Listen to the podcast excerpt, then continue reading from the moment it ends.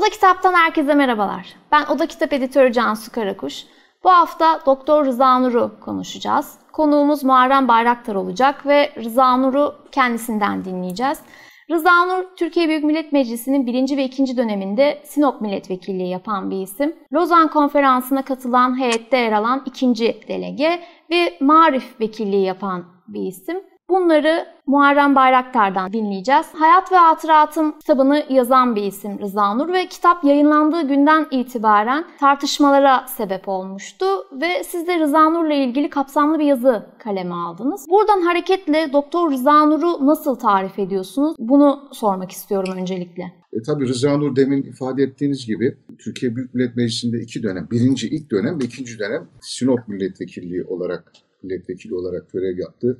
Marif vekilliği yaptı. Yine demin ifade ettiğiniz sade Lozan'da değil, Moskova anlaşması görüşmelerinde de delege olarak bulundu. Çok önemli katkılarda da bulundu. Hatta 14 e, ciltlik e, Türk tarihi kitabı var. Çok güzel yazmış onu. 1926'da yani yurt dışına gitmesi de 1926'da İzmir suikastinden sonraya dayanıyor. Yani orada suyu bulunanların idam edilmesi söz konusu olunca ve hani işte muhalifler idam ediliyor. E, ben de gideyim gitmezsem idam edilirim korkusuyla yurt dışına kaçıyor. Tabii bunlar hakkında çok değişik şeyler söyleniyor. Ya o suikastte ben Rıza Dur'un ilgisi elbette olmadığını düşünüyorum. Fakat bu hatırat meselesi çok önemli. Yani e, Rıza Nur bir hatırat kalemi alıyor. 1935'te bunu e, İngiliz e, e, müseme veriyor, British müzeme veriyor. Ama değişik yerlere de veriyor bu hadise. 1960'a kadar 35 1960'a kadar yayınlanmamak üzere veriyor bunu. Bu hatıratı e, kapsamlı olarak yayınlayan kişi Kadir Mısıroğlu. Ondan önce aslında Profesör e, Cavit Orhan Tütengil Hoca ilk olarak bu şey üzerine, hatırat üzerine çalışmalarda bulunuyor. 1963 yılında. Yani 60'ta bunun süresi doluyor. 35'te 25 yıl doluyor. Rıza Nur'un 60 yılına kadar yayınlamayın dediği oluyor. 3 sene sonra Profesör e, Cavit Orhan Tütengil Hoca bunun üzerine çalış, şark yazmaları üzerine çalışıyor bu müzede ve bu hatırat incelemeye başlıyor. Yani ilk yayınlayan aslında Tütengil Hoca. Kapsamlı olarak yayınlamıyor bunu. Neden kapsamlı olarak diyorum? Çünkü Rıza Nur'un hatıratında çok argo ifadeler var çok uygun olmayan ifadeler var, saptırılmış ifadeler var. Mustafa Kemal'in annesiyle alakalı, babasıyla alakalı olur olmaz şeyler yazmış. Gerçekle alakası yok. Bunları okuyor. E, diyor ki bunların diyor gerçekle hiç alakası, alakası yok. Kendi ifadesine göre Tengül Hoca diyor ön yargılarla dolu. Gerçek dışı şeyler diyor. Zaten diyor, bilim adamı yani bunları ciddiye alması bizim açımızdan hiç uygun olmazdı diyor. Bunları yayınlamıyor. Ciddiye almıyor. Bu bölümler daha sonra Kadir Mısıroğlu tarafından yayınlanıyor. Durun hatıratında gerçekten ne çok güzel çalışmış bizim e, tarihçilerimiz, dil bilimcilerimiz. Fransız kütüphanesinde bulması üzerine e, çalışıyorlar. Burada el yazmaları var e, Rıza Nur'un. El yazması Osmanlıca yazmış. Daha sonra yan tarafına ilavelerde bulunmuş. Daha sonra yazdıklarının kısmını kırmızı kalemle çizmiş, mavi kalemle çizmiş, iptal etmiş. Yani ilk verdiği orijinal metinleri daha sonra iptal etmiş tarafa başka bir şekilde ilavelerde bulunmuş. Burada karakterleriyle Rıza Nur'un Türkiye'de iken imzaladığı bazı kitaplar var. Mesela onun Türk Birlik Revüsü var her ay çıkarttığı. Onlardan e, 7. sayısında Hüseyin Bey imzaladığı bir nüsa var. Ben onu gördüm. Oradaki yazı karakteriyle, e, imzasıyla hatırattaki o ilave yaptığı kısımlar bakılıyor. Bu farklı kalemlerden çıkmış. Yazılar farklı, imzalar farklı, kullanım farklı. Birkaç kalem kullanılmış zaten. İlk bakıldığı zaman bu işten anlayanlar diyorlar ki bu ya hani bugünkü yurttaki bu kriminal e, incelemeler elbette yok ama o dönemde yapılan incelemeler bu yazının Rıza Nur'a ait olmadığını e, tespit ediyorlar ve diyorlar ki bu yazı daha sonra edilen bu kısımlar özellikle e, çünkü hatıratın bu değiştirilen bölümlerine gelinceye kadar Rıza Nur'un yazdıkları bu ilavelerle inkar ediliyor. Yani kendi yazdığı haksızlığını kendi inkar ediyor. Böyle bir durum ortaya çıkıyor. Şimdi bu neden yapılıyor? Bunu kim yaptı sorusunu üzerinde ben çok durdum. Bir dönemde ben e, Kadir Mısıroğlu hakkında Can Suan'ın ben çok yazılar yazdım. Şunu söyleyebilirim. E, Kadir Mısıroğlu hakkında en sert yazıları yazan isimlerden biriyim.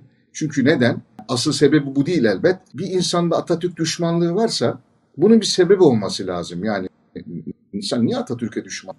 E, size bir devlet, bir cumhuriyet, bir millet, bir bayrak veriyor, öz veriyor. E, Müslümansanız bu toprakları özgürce dinleyebilirsiniz. E, Müslümansanız özgürce ibadet yapabiliyorsunuz. Yani buna musunuz? Neden Kadir Mısıroğlu bu, buna kırıyor diye düşündüm. Sonra şuna ulaştım ben.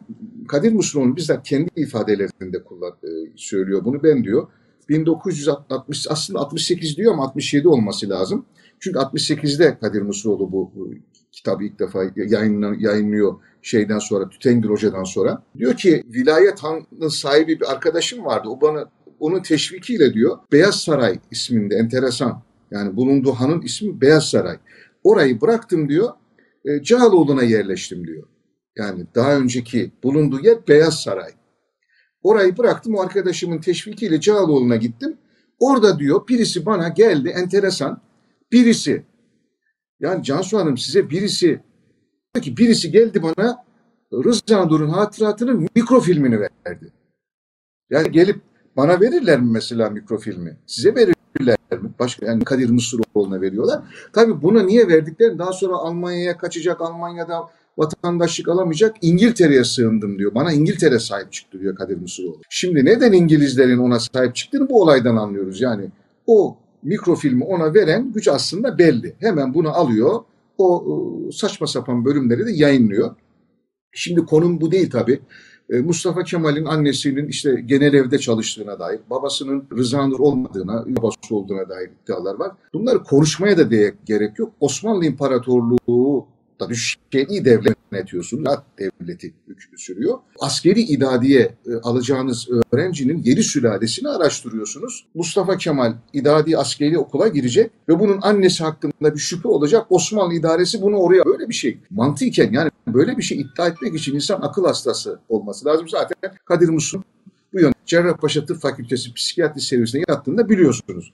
Şimdi bunu yayınlıyor. İlk yayınlanan bu kısım toplatılıyor. Sonra tekrar yayınlıyor. Tekrar toplatılıyor filan. Bu yurt dışına gidiş maceraları var. İngilizlere sığınıyor e, sonunda. Şimdi şuraya geleceğim. Demin ifade ettim hatıratın ilave edilen bölümlerinin özellikle ben evi yeni taşındığım için o belge şeyden çıkartamadım. Bende var onlar ilave edilen başka kalemlerle Osmanlıca yan tarafa yazılmış hatıratın ana sayfasının yanına ilave edilen bölümler ona ait değil. Daha sonra biraz daha araştırmaları derinleştirdim. Robert Olson adında bir İngiliz yazarın Kürt milliyetçiliğinin kaynakları ve Şeyh Said İsyanı adlı bir kitabı var.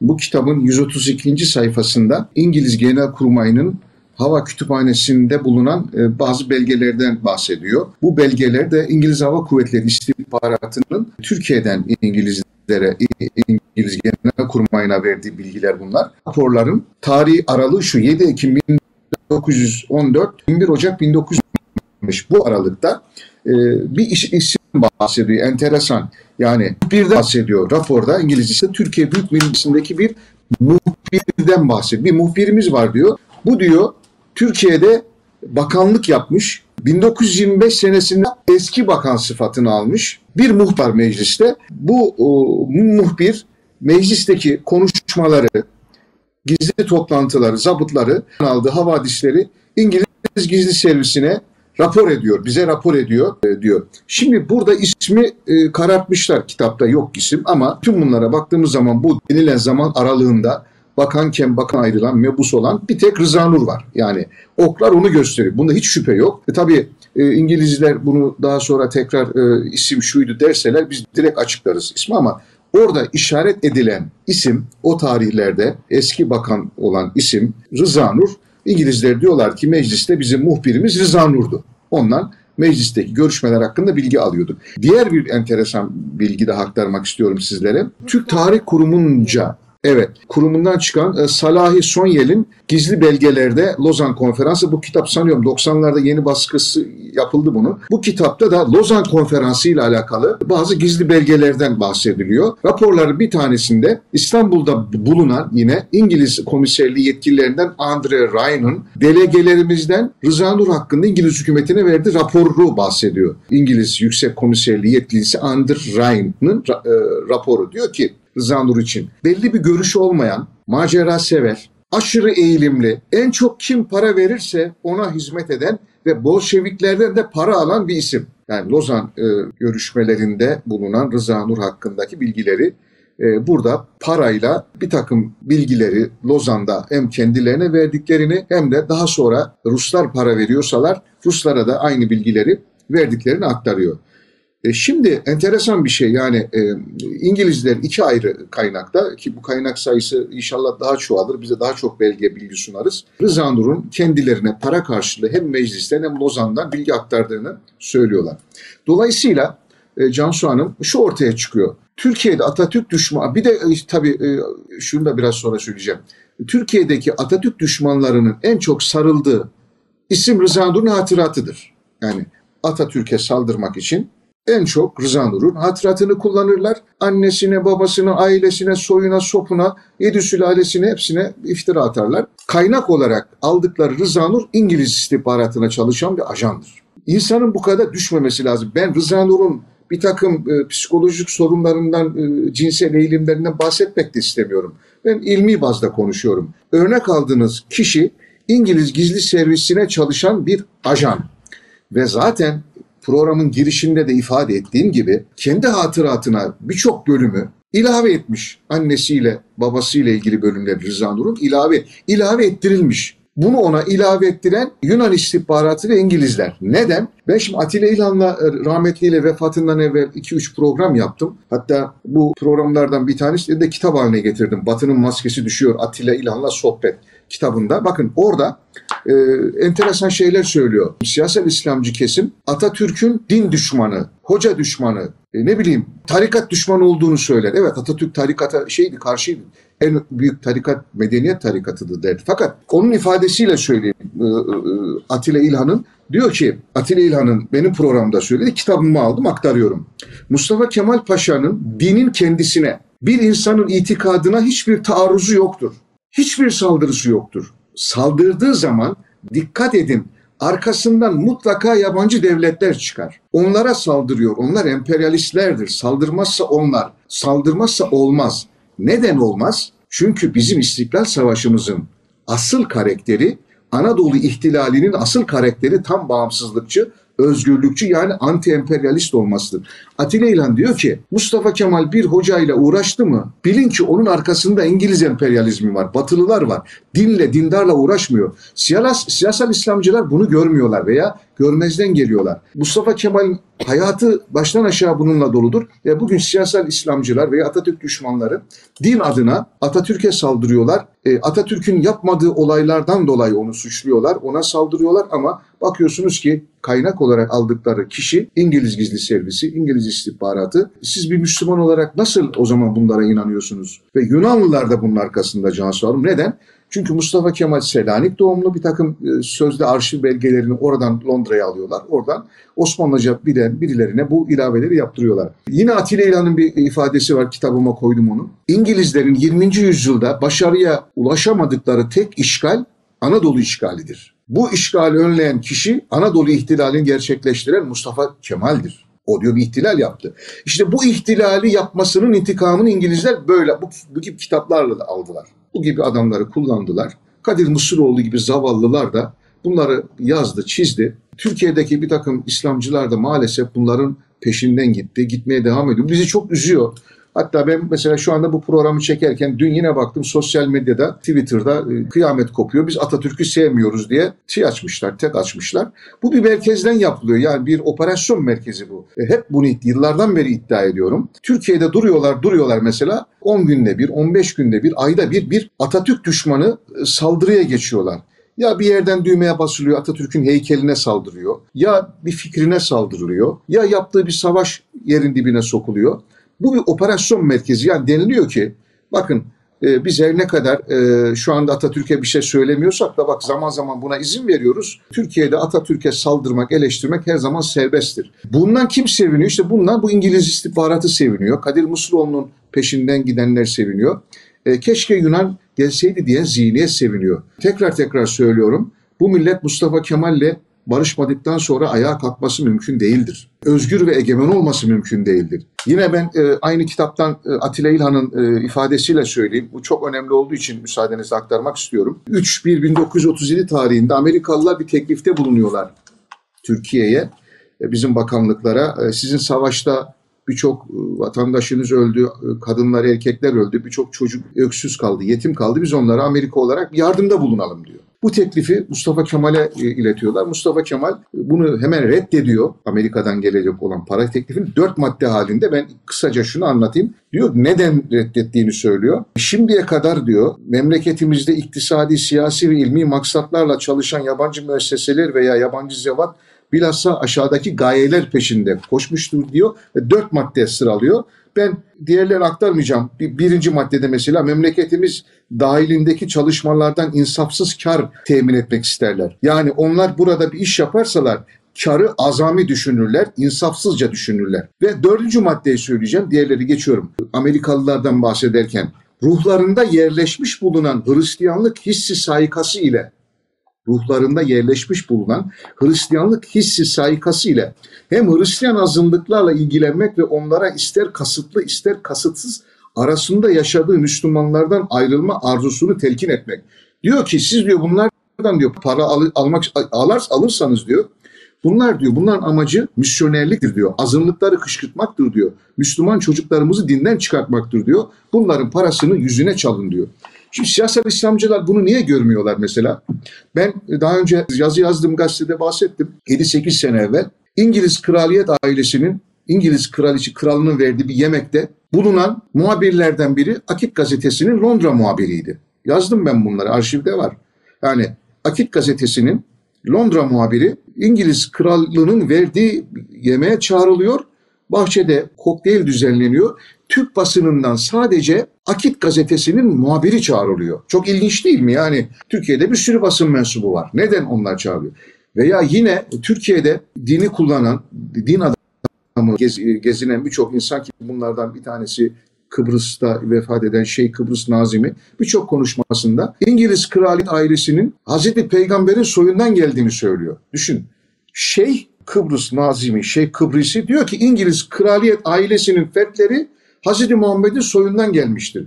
Yani bunu size dedirten güç nedir? İşte demin anlattığım e, bu demin Rıza Nur'un, Rıza Nur'u o e, kitabı kim yazdırıp bu bizim adamımızdır, bize muhbirlik yapıyor dedirten güç neyse şeyh kılıflı, kılıklı bir şahsa da İngiliz kraliyet ailesi Hazreti Peygamber'in soyundandır dedirten de aynı güçtür. Müslümanlar bunu göremiyorlar. İslamcılar bunu göremiyorlar. E, göremedikleri e, müddetçe de e, Cansu Hanım daha çok sıkıntı çekecekler. Siyasi olarak, ekonomik olarak ve ben e, ümit ediyorum bir gün ona bu iftiraları atanlar anıt kabire gidip ondan özür dileyecekler. Başka çareleri yok yani.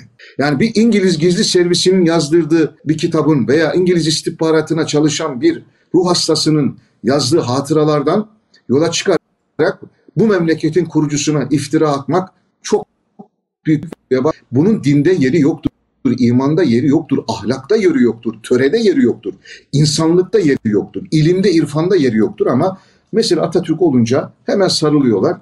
E, bu da e, bizi çok üzüyor. İnşallah bundan vazgeçerler. Teşekkür ederim Muharrem Bey katıldığınız için. Bir tarihçi olarak da araştırmalarınız için ayrıca teşekkür ederim. Ben teşekkür ederim. Bu hafta Muharrem Bayraktar'la Doktor Rıza Nur'un bilinmeyenlerini konuştuk. Bu hafta bahsetmek istediğim haftanın kitapları ise destek yayınlarından çıkan Doktor Cansel Poyraz Akyol'un kaleminden Faili Meşhur 90'lar Zamanın Sabrı kitabı yeni çıkan eserler arasında destek yayınlarından çıktı. Mahfiye İlmez'in kaleminden çıkan Yapısal Reformlar ve Türkiye isimli kitap Remzi Kitabevi tarafından yayınlandı. Yapı Kredi yayınlarından çıkan Isaac Bashevis Singer'ın Son İblis kitabı ise yazarın toplu öykülerinin yer aldığı bir eser. Itaki yayınlarından İnsanlığımı Yitirirken Osama Dazai'nin yazdığı bir eser ve Japon klasikleri arasında yerini alıyor.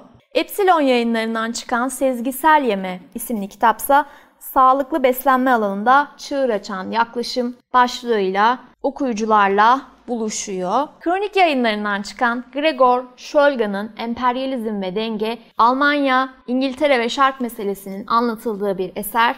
Almancadan çevrilen son dönemde yayınlanmış eserler arasında. Gün Işığı kitaplığından çıkan Irmak Zileli'nin Arkadaşım İçin isimli eseri ise bu hafta yayınlanan çocuk kitapları arasında yerini alıyor. Eser Mehmet Fuat Yayıncılık Ödülü'nün sahibi bir eser. İzlediğiniz için teşekkür ederiz. Yorumlarınızı bekliyoruz.